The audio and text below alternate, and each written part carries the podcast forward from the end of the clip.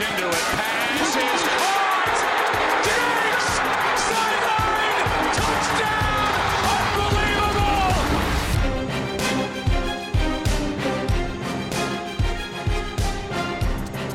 Welkom allemaal bij een nieuwe aflevering van de Sport Amerika NFL podcast. Althans, eh, voorlopig eh, de laatste eh, tot aan de Super Bowl. 147 dagen geleden om precies te zijn begon het NFL seizoen en tot ieders verbazing zonder al te veel problemen. Lange tijd was het eh, uiterst onzeker of dat er überhaupt gespeeld kon gaan worden dit seizoen.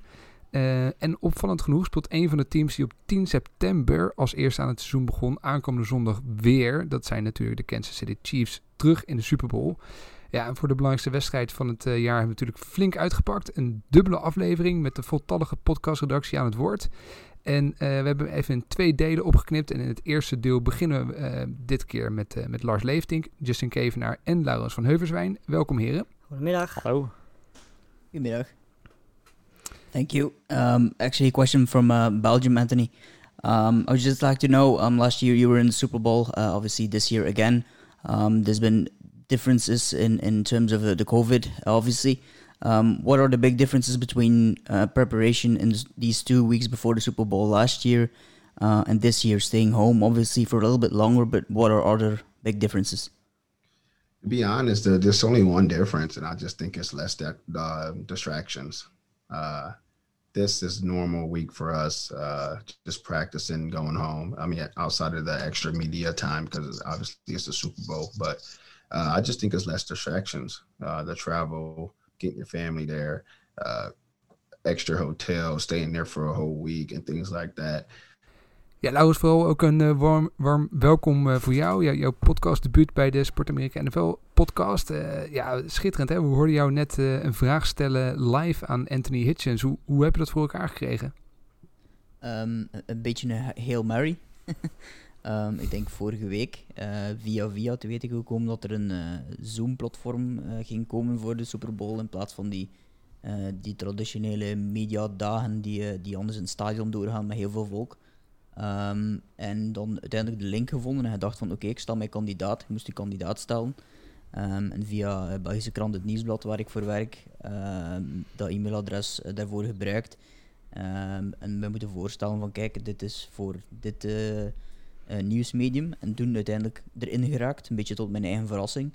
Ehm, en ja, ik, ik was eerst naar, ehm, dus je hebt eigenlijk die, die pagina en voor, voor alle info misschien best naar mijn artikel eh, kijken.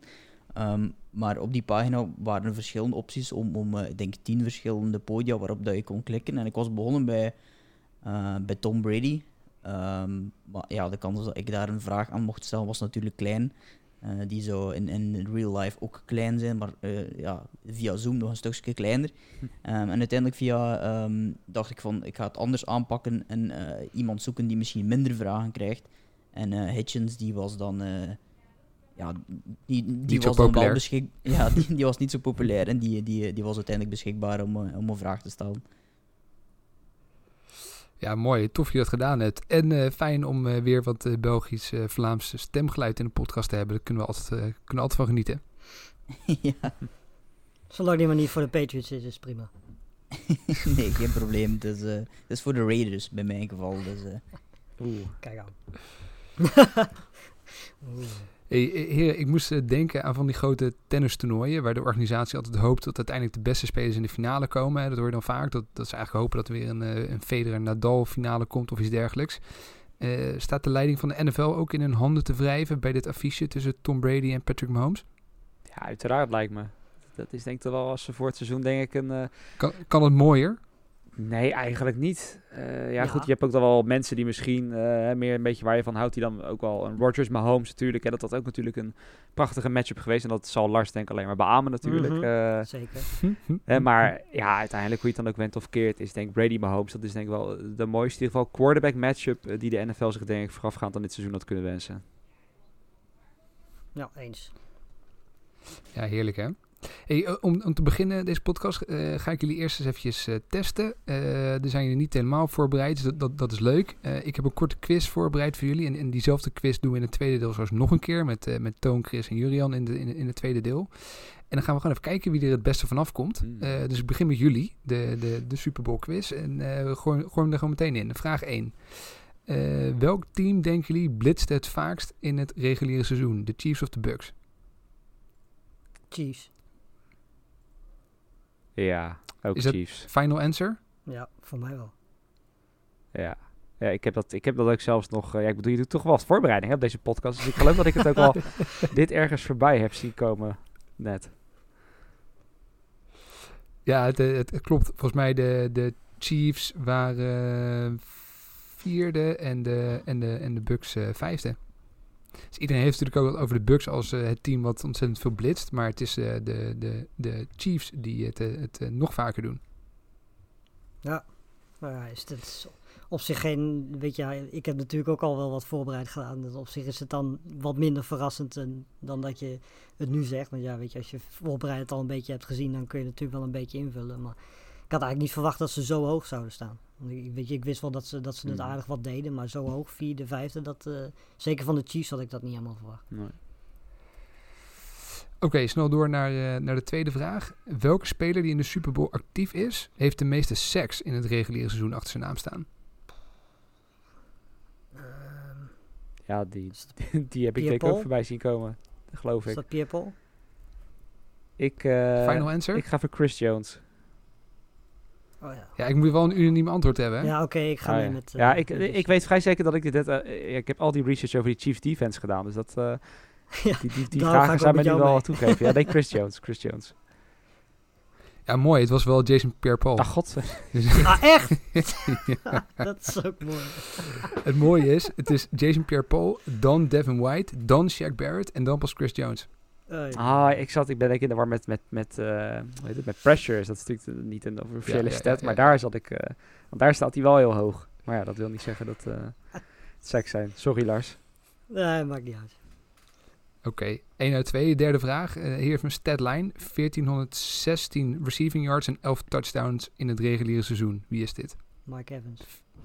1416 receiving yards, 11 Nee. touchdowns. Kan niet. Dat is te weinig yards, Ja, lijkt nou, mij. of, of zou, het, zou, het, zou het Kelsey niet zijn? Of, Hmm. Poeh. nou, ja, Ja. anders mag jij hier het verdict geven. Toen ik het net deed, ging het fout. Dus. Eh, nou, ga ik voor Mike Evans. Ja, heerlijk. Weer fout. Het was Travis Nee. Kelce. Ah, ga weg, man. Het is wel, Is dit, lekkere s- samenwerking dit. De volgende moeten we gewoon Laurens maar eens eentje laten antwoorden. We bemoeien Ja, ons er wel niet meer mee. Schitterend. Ja, het beste seizoen van de tight end ooit. Eh, Oké, vraag 4. De een laatste. Welke speler in de, die in de Super Bowl speelt had de meeste tackles in het postseason? Dus in de playoffs. Welke speler had de meeste tackles in de eh, playoffs? Ik, ik, ik zeg niks meer. Laat Laurens het maar antwoorden. Misschien dat hij wel wat goed Ja, heeft. precies. Lavonte? David. Ja, Lavonte David? ja, dat, ja, Ja. ja. ben ik het mee helemaal eens. Ja. Nee, ja, oké. Zo, Ja, ik ga mee. ik heb een andere naam in mijn hoofd, maar ik ga mee. Even, even, even voor, de, voor de goede orde, Lars. Welke naam had jij in je hoofd? Ik had eh, Devin White. Het was Nee. Devin White. Ah, jongens, jongens, jongens. Wat een Ah, we zitten wel elke keer dichtbij. Er wordt elke keer wel een goede naam Ja. genoemd. Ja, Alleen die, ja, die ja. komt niet het laatste antwoord. schitterend. Oké, de laatste. Om jullie nog een beetje te referentiëren. Wie is, wie is het oudste van de twee? Andy Reid of Bruce Arians? Eh, ja, dat moet Brewster wel zijn. Want die gaat echt al... eh, ja, ik bedoel, die, eh, ik bedoel Reed ze gaat natuurlijk ook al lang mee. Maar Arians is voor mijn hebben, idee... Voor de duidelijkheid, we hebben het niet over gewicht, maar over leeftijd. nee, precies. Nee, Arians, want die Eh. is natuurlijk ook heel laat begonnen. Pas toen hij 60 was bij de Cardinals. Dus Ik ga, ik Ja. ga ook mee met eh, Justin. Nou, mooi, mooi gereferentieerd. Die hebben die goed. Klas. Bruce Arians, a- Nee. 68 en die, Andy Reid, eh, 62. Nou goed, toch twee van de vijf goed. Ja, We gaan zien hoe, eh, hoe jullie eh, collega's het, eh, het gaan doen. Ehm, en normaal gesproken doen we altijd een, moment van de week. eh, maar omdat het zo'n speciale aflevering is, heb ik jullie gevraagd om na te denken over een moment van het jaar. Lars, om met jou te beginnen. Wat was voor jou het moment eh, van, van dit seizoen? Eh, ja, Alex Smith. Weet je, volgens mij hadden we dat van tevoren hadden we al een beetje als comeback player of the year opgeschreven. Ehm, met de hoop dat hij misschien aan het eind van dit seizoen één of twee wedstrijdjes kon meedoen. Eh, maar uiteindelijk heeft hij, eh, heeft hij ja, meerdere wedstrijden, zelfs playoff wedstrijden gespeeld. Dus eh, ja, weet je, als je van zo'n blessure terug kan komen, al meteen zo'n niveau weer kan, kan aanraken. Want weet je, hij heeft, op zich heeft hij het niet fantastisch gedaan, maar hij heeft het ook niet heel slecht gedaan. Hij heeft gewoon hele normale, goede prestaties neergezet. Ja, weet je, dan volgens mij het hele verhaal eromheen en het feit dat hij eigenlijk nog eerder al in actie moest komen, dat is voor mij wel, ja, in ieder geval het verhaal. En ja, weet je, moment van de week is misschien, weet je, als je dan een wedstrijd moet noemen, is het natuurlijk de Hail Mary van, eh van Kyler Murray. Maar ja, als je het over het hele seizoen bekijkt, is Alex Smith voor mij wel het verhaal van het seizoen. Ongelooflijk verhaal, hè? Dat hij, dat hij toch terug is gekomen en, en nog zoveel heeft kunnen spelen. Ja. Eh, Justin, hoe, hoe zat het voor jou? Ik had dus precies hetzelfde stukje voorbereid inderdaad. Ik denk ook een beetje, Dat ik dat denk dat het toch ook wel haast voor ieder, iedereen zo is, toch? Ik bedoel, eh, ja, Alex Smith Ja. is inderdaad wel oké, hoewel Washington... Oké, ze, halen daarmee ook de playoffs uiteindelijk. En hoewel ze dan niet de Super halen of zo, is dat toch wel het, verhaal van het jaar voor een groot deel. Ik bedoel, 17 operaties. Ik had dan even opgezocht, 17 operaties in totaal aan het rechterbeen. eh ja, wat, wat bijna nog eh, geamputeerd moest worden als je de verhalen moet, eh, moet geloven. En ja, dan toch inderdaad, wat Lars al zei, het is niet alsof hij fenomenale cijfers heeft neergezet of zo. maar toch dat hij überhaupt kon spelen. Nou ja, en dat nog steeds denk ik veel beter deed dan de gemiddelde speler die je daar, eh, die je daar neerzet. Hè? Want dat- dan kan je wel makkelijk zeggen, ah, hij heeft niet zo goed gepresteerd. Maar goed, eh, het is de meest moeilijke positie in welke sport dan ook. Dus nee, dan is het Alex Smith eh, zijn comeback eh, zonder meer. Wat wel, eh, denk ik, ja, ook mijn moment van het jaar was. In ieder geval wat mij het meest is bijgebleven toen ik er zo aan, eh, aan terug moest denken. Ja, blijft een heel mooi moment. La- Laurens, heb jij ook hetzelfde moment of heb jij, had jij iets anders? Ja, het is natuurlijk ook het, het moment, denk ik, ehm, voor, voor iedereen. Maar ik wou een andere richting uitgaan, omdat ik wel het vermoeden had dat er met iemand ging voor zijn in het eh, Alex Smith verhaal. En bij, bij Washington was er ook het verhaal van Ron Rivera natuurlijk, die kanker ehm, geklopt heeft, om het dan maar zo te zijn. Eh, maar ik, ik wou eigenlijk gewoon één play kiezen, uiteindelijk. Ehm, en ik heb voor, eh, voor die play van, eh, van Derrick Henry, de stiff arm tegen, tegen Josh Norman, gekozen. Maar gewoon het, ja, de kwaliteit van, van Henry dit jaar opnieuw van heel hoog niveau als beste running back in, eh, in, in de NFL. En eh, de manier waarop hij eh, ja, Josh Norman daar naar de tweede ring gooit, was, was wel best straf. Josh Norman die toch ook geen, geen dutje is in, in dat soort duels. Dus dat vond ik wel leuk. Een, een, een leuk moment om ja, het verschil tussen ik wil het meer dan jou ehm, duidelijk te maken. Mooi, ik had, ik had het moment, eh, moment ik had eh, als moment Ron, Ron Rivera inderdaad. En als backup had ik de stiff arm van Derrick Henry. Ja, Dus, dus, is eh, een cirkel toch weer rond. Nog heel even, hè. eh, Ron Rivera eh, stapt binnen bij een van de meest rotte franchises van het land. Eh, wordt gediagnosticeerd met, eh, met een ernstige, ziek, ernstige ziekte. Krijgt in de rust van wedstrijden IV's toegediend om de tweede helft nog te kunnen coachen. En, en kijk waar hij nu staat. Eh, hij herstelt van zijn ziekte en Washington naar de playoffs gebracht. Oké, weliswaar vanuit de zwakke NFC East, maar toch. Ja, bijzonder jaar. Ja, dus ze hebben sowieso heel veel, eh, heel veel stappen gezet, vind ik, als, als organisatie in het algemeen ook. Eh, de Washington voetbalteam met natuurlijk naast wijziging ook een paar eh, dingen natuurlijk bij de, eh, bij de organisatie zelf. Volgens mij hebben ze ook een zwarte, zwart iemand aangenomen, dus dat zijn wel Ja, dingen, de, de weet je team president mij, eh, inderdaad, ja. Geloof ik. Ja, ik het precies. goed Weet je, ze hebben als organisatie eh, echt wel hele grote stappen gezet. En het was natuurlijk niet echt een organisatie die daar heel erg bekend om stond. Dus wat dat betreft is het eh, ja, sowieso voor Washington voetbalteam op de naam na een eh, heel goed jaar geweest. Hey, dan over naar de actualiteiten. Want zondag staat natuurlijk de wedstrijd eh, van het jaar op het programma. De, de Super Bowl. Even wat laatste nieuws. Eh, hebben jullie spe- speciaal voor een wedstrijd een kapper in laten vliegen om je haar te knippen? Ik zou het graag willen op dit moment, maar eh, nee. Ik, eh, gelukkig doen we dit alleen met audio, maar eh, nee. Ja, bizar verhaal natuurlijk. Nee, ja, leg het maar uit wat er gebeurde. Ja, dus de, de, Lars, wil jij het, wil jij het eh, uitleggen? Dus de, de, de, de kapper van de, de Chiefs was een speler aan het knippen. En toen, terwijl hij Ja. bezig was, kwamen ze erachter dat hij toch positief had getest, hè? Ja, precies. En volgens mij was het eh, ook de bedoeling dat er nog heel veel meer eh, spelers daar naartoe zouden gaan. Volgens mij Ja, waren ze echt waaronder Mahomes. Ja, precies. Ja, ik snap het niet zo heel goed, want volgens mij sta je met, met een helm op het, op het veld. Maar dat kan aan mij liggen. Of ze niet van plan zijn om met een helm op het veld te staan, dat weet ik niet. Maar ja, weet je, volgens mij eh, hebben ze dat niet zo heel erg goed voorbereid. Want eh, ja, weet je als, je, als je dan al überhaupt zoiets doet, dan zou je er toch in ieder geval van uitgaan dat je van tevoren checkt of de beste man wel degelijk gewoon negatief is getest of niet. Ehm, laat staan dat je het dan ook nog eens een keertje doet eh, terwijl die positief is. Eh, en daar dan, nou ja, laten we zeggen, gelukkig achterkomt nadat er twee geweest zijn en niet nadat er een stuk of twintig eh, langs zijn gegaan. Bizar, hè? Maar goed, Ja. het lijkt allemaal eh, goed te komen. En uiteindelijk eh, gaat iedereen waarschijnlijk gewoon eh, kunnen spelen. Ehm, ik, ik zag de weersvoorspellingen. Het kan wel eens zijn dat het slecht weer op komst is. Regen wordt er misschien voorspeld. Ehm Laurens, kan dat van invloed zijn op de wedstrijd? En, en in wiens voordeel zou dat dan kunnen zijn als het gaat regenen? Ja, als het gaat regenen is het in principe in het voordeel van, van de running game. Omdat ja, het gaat toch iets minder makkelijk. ehm, of ja, niet in het voordeel, maar gaat in principe als offense meer je, running game gebruiken. Omdat het moeilijker is om de bal te vangen. Ehm, dus dat zou dan in, bal, in principe in het voordeel van de Bucks moeten zijn. Omdat die toch een betere running game hebben dan, eh, dan de Chiefs. Ehm, die toch iets meer shorter passes gebruiken in plaats van, van echt die running backs. Ehm, dus dan, dan denk ik dat de Bucks in het voordeel zijn. Het is ook iets dat, eh, dat Tom Brady sowieso ooit al eens zal meegemaakt hebben, zeker in de voorbije 21 jaar. En, en misschien dat Mahomes daar iets minder eh, ervaring mee heeft. Eh, dus ik geef dan wel de, het voordeel lichtjes naar, eh, naar de Bucks.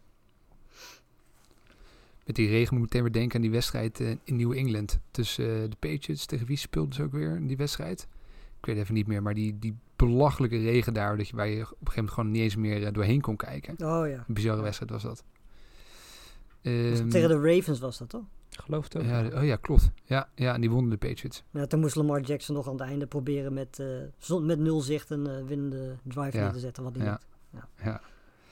Hey, we moeten het toch heel veel over hem hebben. Antonio Boulevard. Eh, Je- Jeffrey vroeg naar op Twitter. eh, gaat, gaat hij spelen?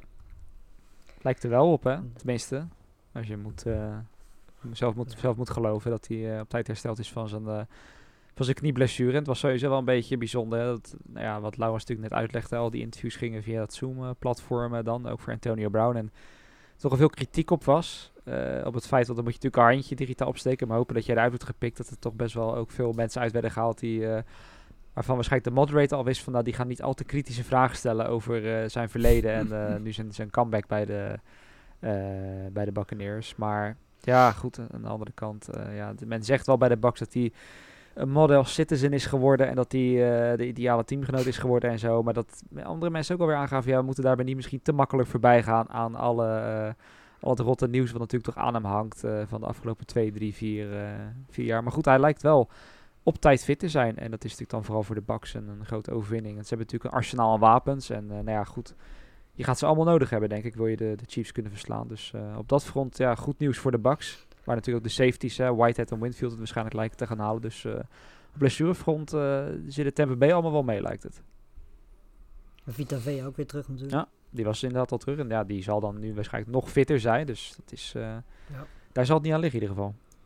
Volle oorlog- oorlogsterkte. Je, je zei het al, eh, een, een, een breed arsenaal aan wapens bij de Bucks. Laten we het daar nou ook even wat verder over gaan hebben. Wat, wat iets dieper de analyse induiken. Eh, in deze aflevering kijken we eigenlijk vooral naar hoe de Bucks offense het gaat doen tegen de defense van de Chiefs. Ehm, en in het tweede deel gaan we dan precies eh, even andersom eh, te werk. Maar we gaan nu eens even kijken naar, eh, naar, naar, naar dit eh, inzicht. Eh, Lars, misschien met jou te beginnen. Eh, je hebt natuurlijk ook die wedstrijd uit week 12 eh, teruggekeken. Zeker. Ehm, waar ligt de kracht van deze Bucks offense? Eh, nou ja, in principe als je puur kijkt op, op, op, ja, op de statistieken en puur kijkt eh, op de wat, ja, eh, als je kijkt wat ze, wat ze ook qua, qua running plays doen, dan zie je gewoon overduidelijk dat hun kwaliteit in, in de passing game ligt. Niet alleen vanwege het feit dat, dat ze Tom Brady hebben, maar ook gewoon vanwege het feit dat ze, nou ja, misschien wel van alle teams in de NFL gewoon de meeste wapens hebben. Eh, want ja, weet je, je hebt Gronkowski die is gedurende het seizoen steeds meer in vorm gekomen. Antonio Brown geldt hetzelfde voor. Eh, nou, dan heb je natuurlijk nog Godwin, Evans. Eh, nou, zo kun je het lijstje Scotty Miller, die verdijnt zo af en toe ook nog eens een keertje op je beeldscherm. Ehm, ja, en dan heb je daarnaast ook nog twee, twee running backs, Fournette en Jones. Ehm, maar ondanks dat zijn die eigenlijk nog niet zo heel erg goed uit de verf gekomen. Als je kijkt naar waar ze staan qua rushing yards, staan ze 28ste. Ehm, dus ondanks dat ze twee hele grote namen hebben, eh, krijgen ze het blijkbaar toch niet voor elkaar om, om, om die running game ook daadwerkelijk echt heel succesvol te laten zijn. Er zijn natuurlijk altijd uitzonderingen. Dus Ehm, probeer het ook niet echt volgens mij, hè? Want volgens mij Nee, is het een van de minste running plays überhaupt in de... Nee, in maar de je ziet ook gewoon eh, dat, dat, en dan komen we straks bij de Chiefs defense wel op, maar je ziet ook gewoon dat tegenstanders gewoon denken van ja, weet je, wij zijn op dit moment niet bang voor die running game van, van de Buccaneers. Eh, dus wij gaan gewoon in principe ervan uit dat we de passing game gaan verdedigen. En als je dat doet, dan ja, weet je, heb je natuurlijk gewoon de grootste kracht van, van, van Tom Brady en, en, en de Buccaneers uiteindelijk uitgeschakeld. En ja, dat, dat is in principe waar je elke wedstrijd natuurlijk gewoon voor, voor moet gaan. Ja, en, en als je dan kijkt bij de, de, naar die individuele wapens, ehm, springt er dan iemand nog specifiek uit die het echt goed kan doen van de receivers tegen, tegen de Chiefs defense? Of, of wordt het weer eigenlijk zoals het eh, de laatste week is geweest, dat iedereen een duit in het zakje gaat doen? Nou ja, eh, Gronkowski had een hele goede wedstrijd tegen, tegen Kansas City. En dat had hij ook tegen, tegen onder meer de, de, de Packers. En dat komt gewoon omdat eigenlijk ook de, de Chiefs niet echt iemand hebben die Gronkowski kan verdedigen. Ze hebben niet een, een, een linebacker eh, zoals bijvoorbeeld de Saints dat, dat wel hadden. Hè, want we hebben eigenlijk Gronkowski in die wedstrijd tegen de Saints niet gezien. Eh, maar dat kwam omdat daar natuurlijk met Jenkins iemand op stond die ook fysiek gezien sterk genoeg is om, om Gronkowski te kunnen verdedigen. En zo iemand eh, hebben de Chiefs niet. Dat hebben ze ook in week 12 laten zien. Gronkowski tikte volgens mij net niet de 100 yards eh, aan in die wedstrijd. Ehm, dus ik, ik, heb wel het idee dat Gronkowski wel eens een hele, hele grote, goede wedstrijd kan hebben. Naast het feit dat je natuurlijk al wapens hebt ja, die eigenlijk elke wedstrijd normaal gesproken wel gewoon op de statsheet staan. Ehm, ik wil bijna Jurian zeggen, maar Justin, de, de, ehm, Lars noemt eigenlijk al een, een, een zwak punt van de, van de Chiefs daar misschien, hun, hun, hun linebackers. Ehm, waar zijn ze wel sterk waar zijn ze misschien eh, te pakken? Ja, nou goed, ik denk het verhaal is vooral bij de Chiefs. en Dat is ook een beetje het verhaal van het hele team, denk ik. Dus Het is, het is vrij top-heavy, eh, ook qua, qua sterspelers, zeg maar. Want ik denk dat defense, de eerste die je daar denk ik moet noemen... eh, als je gewoon bij de linie dan begint als Chris Jones, die we net al, al, al, al benoemden. Die in alle statistieken eigenlijk net niet op het niveau staat van Aaron Donald. Maar goed, is dat heel erg. Als je net niet op dat niveau staat, hè, dan ben je nog steeds echt verschrikkelijk, eh, verschrikkelijk goed. Want dit jaar ook de meeste pressures na TJ Watt, eh, Joey Bosa en dus die eerder genoemde Aaron Donald. Eh, ja, dat is allereerst denk ik defensief wel degene waar het meeste van kan komen. Naast, naast Tyron Matthew dan, die dan aan de achterkant eigenlijk de grote sterspeler is. Eh, en dan ook heb je natuurlijk nog Frank Clark. Hè. Dat zijn eigenlijk een beetje de drie duurbetaalde sterren. eh, waarbij Frank Clark misschien nog wel een beetje tegenvalt, gezien het prijskaartje wat aan zijn naam hangt. Maar ja, dat zijn wel een beetje de drie spelers die echt de wedstrijd kunnen maken of breken voor die defensie. Die er zullen moeten staan, die het verschil ook kunnen maken om die Bucks offense toch te ontregelen. Dat wordt denk ik ook wel een interessant duel. eh, want we hebben de, offensive line van de Bucks dan niet, niet, misschien nog niet echt genoemd. Maar ja, die staat gewoon prima zijn mannetje. Ik bedoel, Tom Brady, Is goed, hè? eh, ja, vooral dit, dit postseason niet heel vaak in gevaar gekomen.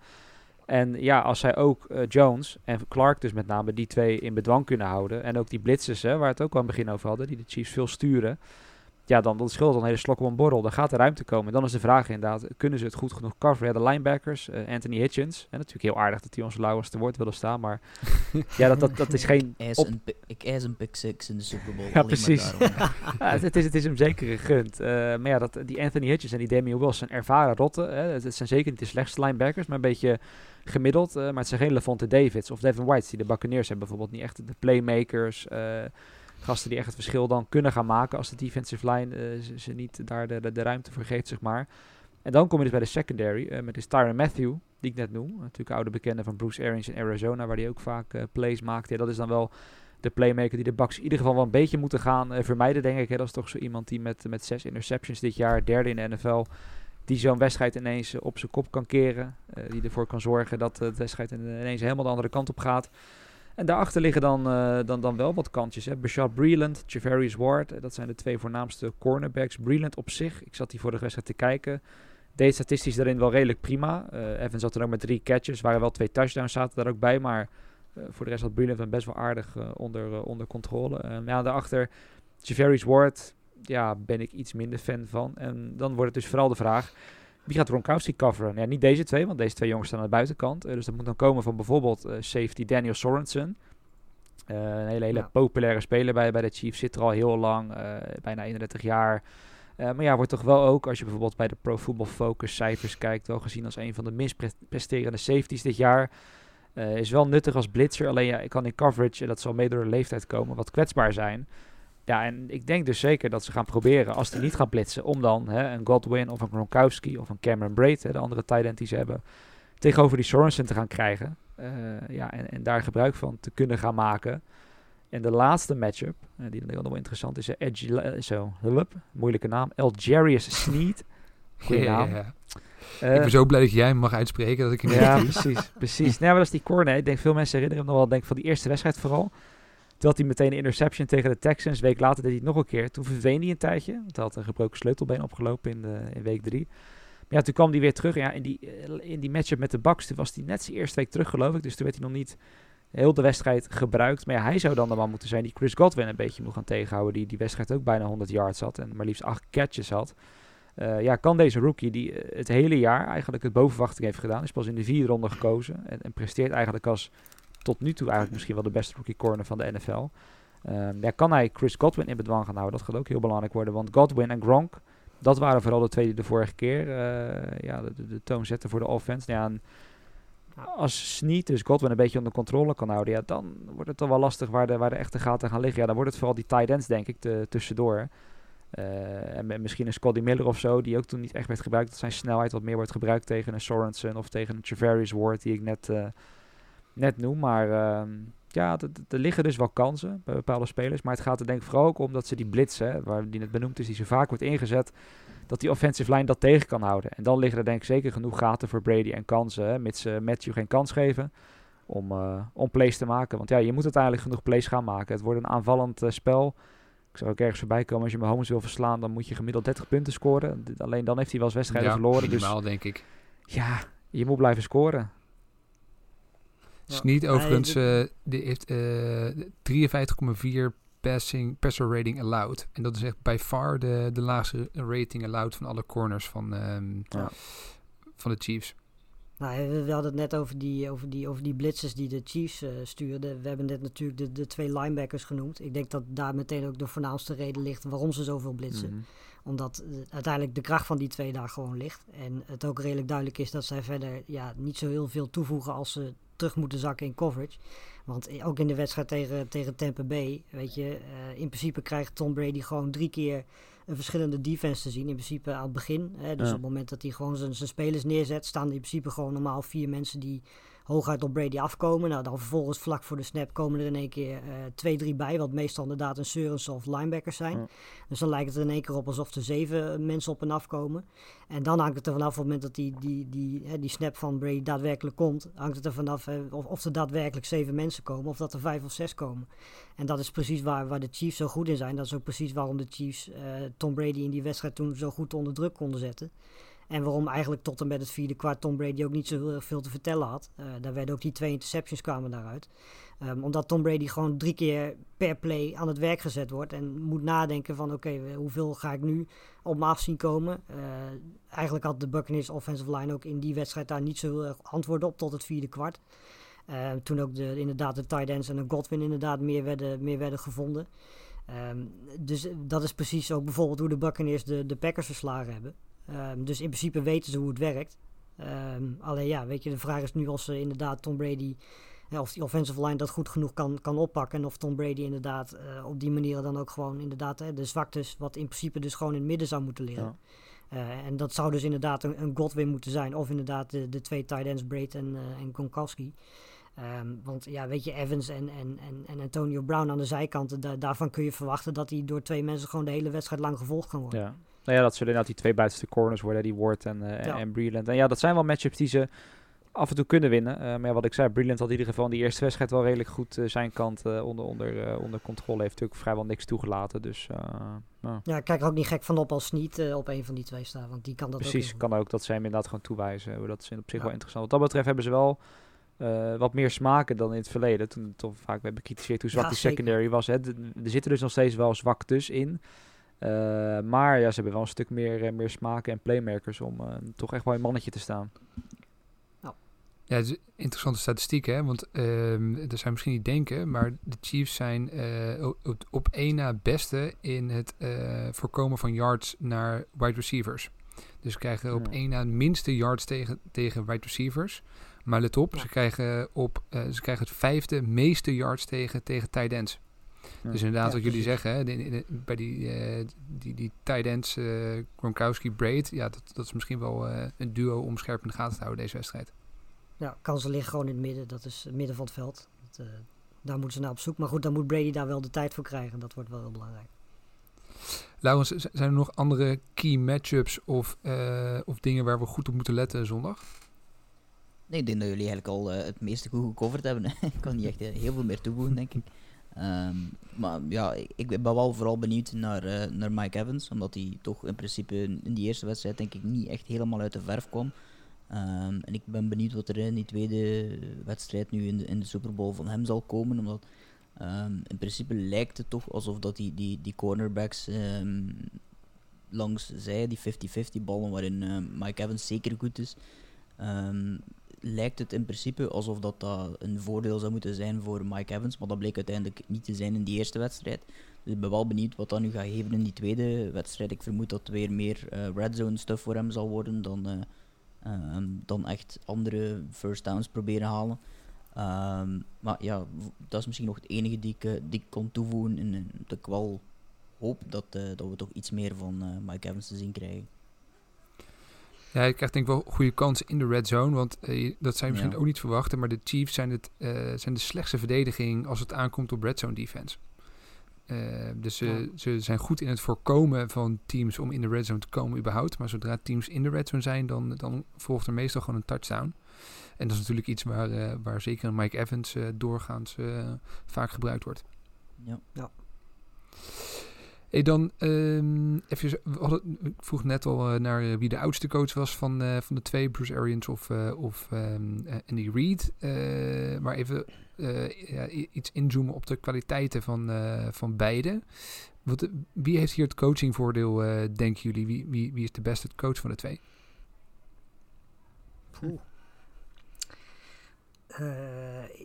Ja, ik zou willen zeggen Andy Reid, simpelweg vanwege het feit dat hij daar natuurlijk al veel langer dan één jaar zit. Hè. Ja. Ik bedoel, Bruce Arians zit daar een jaar. Ehm, en ja, weet je, wat dat betreft heeft hij natuurlijk wel een voordeel dat hij ook zijn, zijn staf veel beter kent, zijn spelers veel beter kent. En in principe die offense, want dat zagen we natuurlijk ook met Bruce Arians, die heeft stukje bij beetje eh, dingen aan die, aan die offense toegevoegd. Ehm, en dat is uiteindelijk nu komt dat ongeveer een beetje compleet. Maar ja, bij Andy Reid, weet je, je ziet bij Andy Reid dat hij elke week andere dingen aan het proberen is. Omdat de basis er bij hun gewoon zo goed in zit.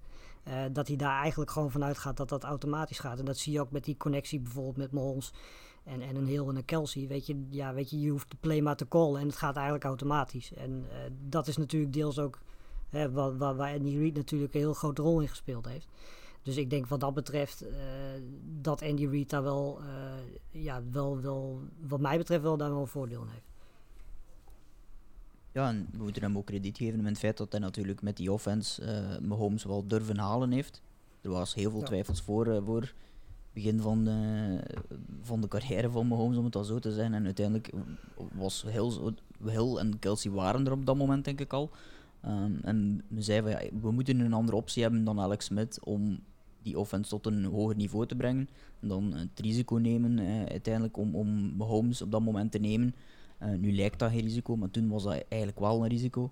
Ehm, dus dat Ja. vind ik ook wel belangrijk. En ja, ik bedoel, eh, het, het is altijd belangrijk om een goede leider te zijn, maar het is vooral ook belangrijk om te weten als leider van ik kan ook bepaalde verantwoordelijkheden afgeven. En als je kijkt wie ja, bij Andy Reid heeft zeker offensive coordinator in, in Eric Bieniemy, die eh, ja, de beste offensive coordinator in- waarschijnlijk is in, in de NFL. Eh voor een of andere mysterieuze reden geen headcoach is op dit moment, wat belachelijk is.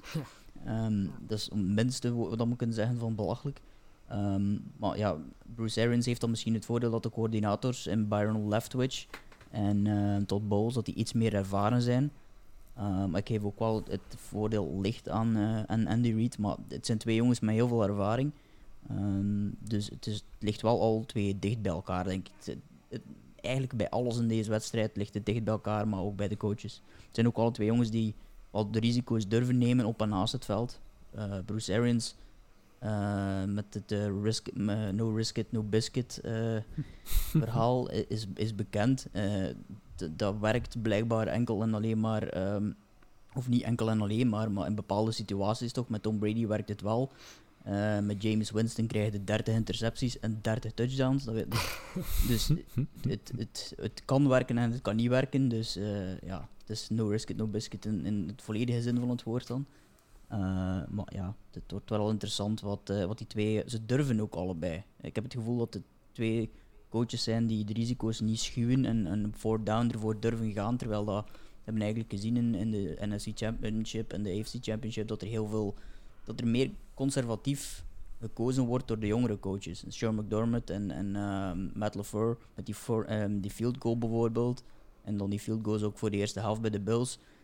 Die jonge coaches, heb ik het gevoel, zijn een stuk conservatiever in hun beslissingen nemen dan, eh, dan die oudere jongens. Dus dat wordt wel leuk voor de, eh, de Super Bowl. Nou, ik, ik zou zeggen, ik kan me ook een, een bepaalde fourth down call herinneren van Andy Reid tegen, tegen de Browns in deze playoffs. Dus volgens mij houdt Andy Reid ook wel van zijn eh, biscuits. Ja. ja, ja Dat, met, dat met Chad Henney.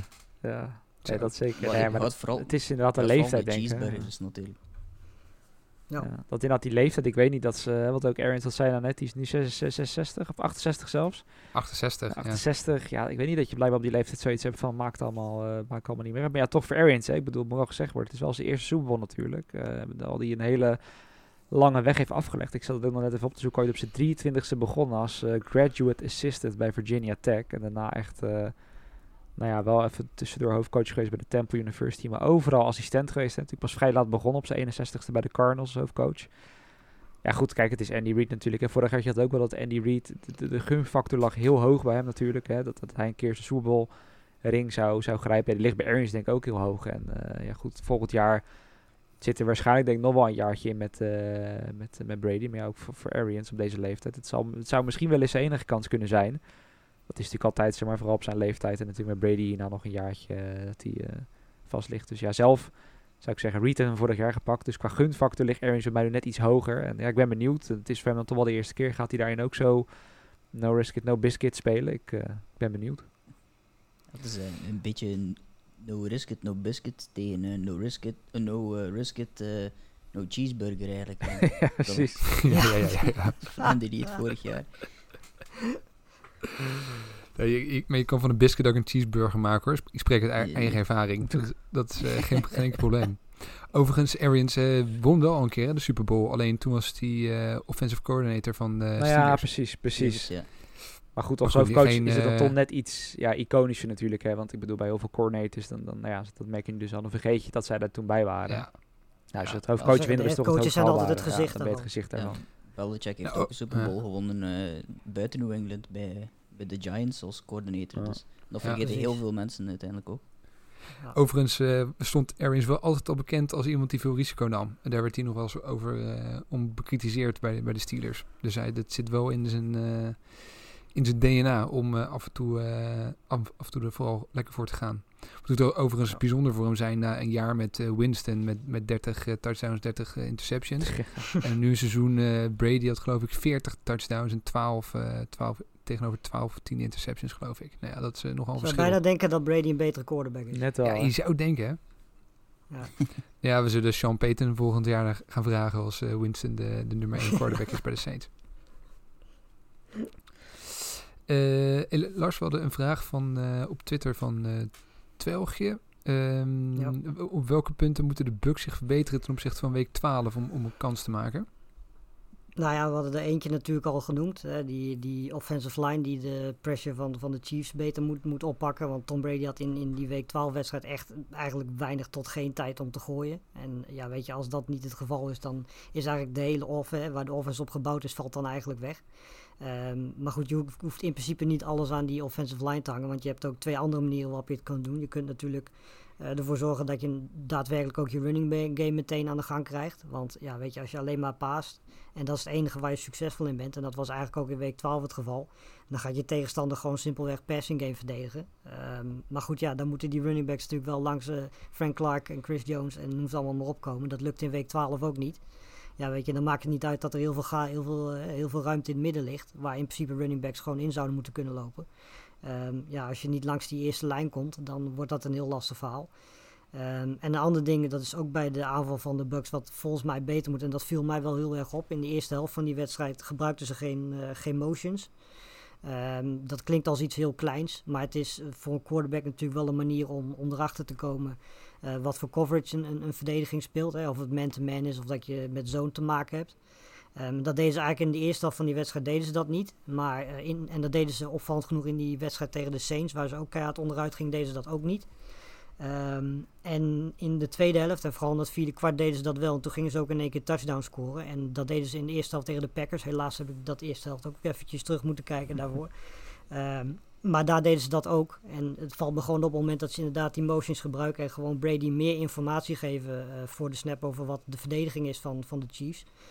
Ehm, dat hij dan gewoon een stuk succesvoller en productiever is. Dus dat is ook wel iets waar ik, als ik, als ik ja, de Buccaneers zou zijn en ik kijk terug naar die wedstrijd, zou ik dat ook wel meepikken. Ja, en misschien nog een andere tip, al is dat natuurlijk dan iets meer waar ze ook in de volgende podcast waarschijnlijk zonder meer, meer over gaan zeggen, is misschien wel handig om Tyreek Hill niet 269 yards en drie touchdowns eh, te laten noteren. hè. Dat is misschien ook wel belangrijk. Maar ja, dat is voor heel ik- veel... Carlton Davis zegt dat hij een betere Ja, speler van ja, dat- maar goed, dat is natuurlijk te- veel teams. Hè, en met Kelsey erbij genomen van, eh, ja, hoe ga je dat verdedigen? Maar goed, dat gaan ze in de volgende podcast zonder meer eh, eh, vertellen Precies, hoe dat volgens mij mogelijk maakt ook een, eh, kan gebeuren. Volgens mij maakt Ton ook een lijstje die sturen gewoon naar beide teams op. Ja, ja, ja, ja. ja, ja, ja. Nee, daar gaan we zeker nog op terugkomen. En de, want hij stond volgens mij al eh, over de 200 hè, in eh, 200 yards na één kwart. Klopt, ja. Dus ja, na één kwart, ja. bizar. Dan doe je het vrij aardig. Heel goed. Hey, eh, nou, laten, we nog even doorpakken naar eh, misschien het leukste deel van, eh, van deze aflevering en van de volgende aflevering. Dat natuurlijk waar iedereen voor luistert en wil weten. Ja, wat, wat, wat worden jullie picks en welke uitslag hangen jullie eraan? Wie, wie gaat deze wedstrijd winnen? Ik, ik merkte al bij ehm, de voorspellingen die we deden bij de Sport Amerika redactie en artikelen die we schreven, dat het volgens mij heel dicht bij elkaar zit. Eh, maar ik ben benieuwd wat, wat, wat jullie eh, gedachten erover is. Uh, Laurens, met met jou te beginnen. Wat, wat, wat is jouw pick? Wie gaat de wedstrijd winnen? En, en wat, eh, wat, wat wordt de uitslag? Ik weet niet meer 100% zeker welke ehm, pick ik uiteindelijk gekozen Allee, ehm, welk, wel welke pick, maar uiteindelijk niet meer welke score. Ik dacht 35-31 bij jullie. Eh, maar ik weet dat ik ergens anders nog een andere gegeven had ook. een beetje meer eh, de, de spread eh, te kunnen coveren. ja, Ehm, sinds, nee, sinds je Anthony Hitchens eh, interview eh, word je natuurlijk overal gevraagd nu. Ja, ongeveer, ja. Ehm, nee, maar ja, uiteindelijk eh, ben ik wel ehm, met de Chiefs gegaan. Ik zie gewoon geen, eh, ja, weinig tot geen mogelijkheden om, om die, die wedstrijd te verliezen op een of andere manier eh, voor de Chiefs. Ehm, en ja, 35-31, omdat ik wel denk dat de Bucks ook in staat zijn om toch wel, wel dicht in de buurt te komen. Ik heb al gezegd dat twee teams zijn die heel erg bij elkaar, of dicht bij elkaar liggen. Ehm, en daarom, ja, 35-31 is m- een redelijk logische keuze boven de 30, eh, aangezien het eh, toch twee teams zijn die, eh, die vaak scoren en makkelijk scoren. Dus daarom de Chiefs 35-31 Bucks. Eh 35-31 Chiefs. Oh ja, ja, wel, ja, 35 Ja. Chiefs, eh, eh, 31 Bucks, ja. ja. Ja, ja precies. Oké, ja, got it. Justin, eh, denk je ook de Chiefs of denk je toch de Bucks? Ja, ik denk het wel, maar laat ik dan toch maar een beetje kiezen op, op wat- basis van wat ik hoop. Dat is misschien vaak toch nog met iets, eh, iets leuker, ook al gaat het vaak minder vaak goed. Eh, ik had wel 34-31, dus bijna hetzelfde opgeschreven, maar dan voor de Bucks. Eh, dat het, ja, inderdaad, maar goed, het is een beetje een open deur in trap, maar inderdaad dicht bij elkaar ligt, komt de slotfase aan. Dan hoop ik vooral als nou ja, twist dat Levante David, die, die ik zelf wel een van de meest ondergewaardeerde sterren vind in de NFL, hè, altijd een beetje in de schaduw van een... ja, Luke Kuechly natuurlijk, hè, Tom, die jij maar altijd goed kent, hè, waar hij dan toch een beetje in de schaduw Oh, ja. stond binnen de eigen divisie. Of een Bobby Wagner in, eh, in Seattle, als ik het dan over mijn eigen team, eh, team heb. En ook spelend natuurlijk voor een franchise waar ik het in de voorgaande podcast over heb gehad, die natuurlijk jaren ook gewoon geen rol van betekenis heeft gespeeld, slecht gemanaged is, dat hij dan toch eh, ja, in deze wedstrijd een keer aan het grote publiek, wat hem misschien niet zo goed kent, kan laten zien wat hij kan. En met een, of het nou een fumble of een interception is of wat dan ook, of een fourth down tackle, dat hij toe gaat slaan om een game-winning eh, play te maken. En ze dus ja, met een 30-plusser wel gaan winnen, want dat gaat inderdaad wel nodig zijn als de Bucks eh, het willen winnen. Mooi, nou Lars, mag jij eh, eh, deze afsluiten? We hebben er één pick voor de Chiefs, eentje voor de Bucks. Ik bewaar die van, eh, van mijzelf voor eh, de, pot, de tweede deel van de podcast, als, als cliffhanger. Ehm, wie, naar, naar wie gaat jouw pick? dus je vraagt mij nu eigenlijk om de 50-50 te breken, is dat wat je zegt? Ja, Ja. daar komt, daar komt het wel Ja. neer. Nou ja, het voordeel is dat ik nog niks heb opgeschreven, dus ik kan het in principe nu bedenken. Eh, ehm, ja, ik, eh, ik heb s- zeg ik zo uit mijn hoofd 34-26 eh, Chiefs. Ehm, en waar ik eigenlijk stiekem op hoop is dat we, ja, dat hoop is misschien een beetje raar, maar dat, dat op een of andere manier Chad Henney nog op het veld komt en een game-winning touchdown gaat, Hm, gaat hm, scoren hm, aan het einde. Dat zou ik wel werelds vinden. Chad Henney met, met de game-winning met de game-winning drive. Precies. Maar nee, weet je, ik zie ook eigenlijk, eh, weet je, ik heb die wedstrijd dus ook teruggekeken. Ik zie eigenlijk niet, eh, ja, weet je, ze zijn misschien ten opzichte van die wedstrijd wel iets beter geworden. Maar ja, weet je, het is ook niet zo dat ze de, de, de Buccaneers tegenstand eh, waar ze tegen gespeeld hebben, hebben weggespeeld. Sterker nog, tegen bijvoorbeeld de Packers zijn ze ook best wel goed weggekomen. Dus ja, weet je, de Chiefs zijn toch nog van een, van een niveautje daarbovenop. En hebben ook al bewezen dat ze ze kunnen verslaan. Dus vandaar 34-26 Chiefs. Maar ik merk wel dat iedereen wel heel snel voorbij gaat aan het thuisvoordeel. Hè? En die regen straks, onweer. Ja, ik het allemaal, dat piratenschip eh, op de achtergrond wat ze, wat ze gaat steunen. ja, Ja, maar dat mag niet, hè. Ja, nee, dat is waar. De, de kanonnen mogen niet, eh, niet luiden, heeft de NFL beslist. Dus eh, Nou, die, die, die, piraten, die blijft daar, piraten eh, zou ik nooit vertrouwen. Misschien dat er nog eentje stiekem met dek op gaat om hem af te steken hoor. En, en, vergeet is niet de, de, de nu al bad hair day van de center van eh, Chiefs. Die met een half kapsel rondloopt. Oh ja, de center, ja, die had inderdaad. Die had ik een foto toch geplaatst van dat ze half. eh Ja. aan de ene kant kaal was, aan de andere kant dat hij nog dik haar zitten. 36-15 Buccaneers. Ja, ja. Nou, we gaan kijken wat, eh, we gaan luisteren wat, eh, wat de rest van de redactie ervan vindt. Ik eh, hou mijn pick ook tot, tot, tot de volgende aflevering. Ik doe tot slot, normaal gesproken hebben we natuurlijk allerlei mooie eh, Super Bowl feestjes en, en parties waar we naartoe gaan om, om samen die wedstrijd te kijken. Nou, dat zit er niet in dit jaar. Hoe, hoe, hoe gaat het dit jaar gebeuren bij jullie? Gewoon lekker op de bank met een, met een fles whisky of, of een biertje? Of hebben jullie andere plannen? Nou ja, ik niet. Want eh, ten eerste, ja, ik zou niet weten waar ik in godsnaam mee moet verder. Dus eh, wat dat betreft eh, is, is thuis volgens mij de enige plek zo'n beetje. En ten tweede, ja, we zijn ook, ik weet niet of ik dat mag zeggen, maar ook natuurlijk van plan om een, eigenlijk daarna al direct een podcast op te nemen. Ja, dat Dus mag je zeker. Dan zou, het een dan zou het een beetje raar zijn als ik dan in één keer ergens anders zit en moet terugrennen om, om alsnog die podcast op te nemen. Ja, of dat je die fles whisky hebt opgedronken. Dat, dat moet ik niet Ja, zeggen. precies. Ik weet niet. eh, ja, om voor mezelf te spreken. Ik zou eerst wel bij, eh, bij, bij een goede vriend die ook de NFL goed volgt. eh, voor de avondklok naar binnen gaan. En dan op afstand met een eigen bakje drinken en eten. die, die wedstrijd gaan kijken. Alleen toen was ik, en dat is denk ik ook een beetje het gevolg van dat je dit jaar heel anders beleeft. Bij een van mijn opdrachtgevers vergeten om aan te geven dat ik maandag liever niet wilde werken. Dus nu word ik toch half tien verwacht bij de regionale omroep hier. En ja, en aangezien er nog eens een sportomroep om sportdienst gaat, dan weet ik nu al zeker dat ik niet zonder spoilers die dag door kunnen komen. Dus ik ga hem niet live kijken, maar ik ga denk ik gewoon vroeg naar bed, eh, de wekker om 6 uur zetten en dan denk ik dat ik dan wel gewoon voordat ik naar buiten ga eh, in alle rust eh, nog die game kan, in ieder geval volledigheid kan terugkijken. Want dat wil je wel natuurlijk met zo'n matchup als deze. Maar ja, het is in vele opzichten een andere beleving dan de andere jaren. ja, het zal eh, bij ons hier in België ook een beetje hetzelfde zijn. Iedereen die, die thuis is zijn eigen kot volgt, zoals dat wij het noemen. Ehm, ik, heb, ehm, dag, ik heb op de dag zelf nog een, eh, een veldrit eh, die ik moet doen. Eh, ik moet gelukkig niet zelf rijden, maar wel coveren voor het nieuwsblad in Lille.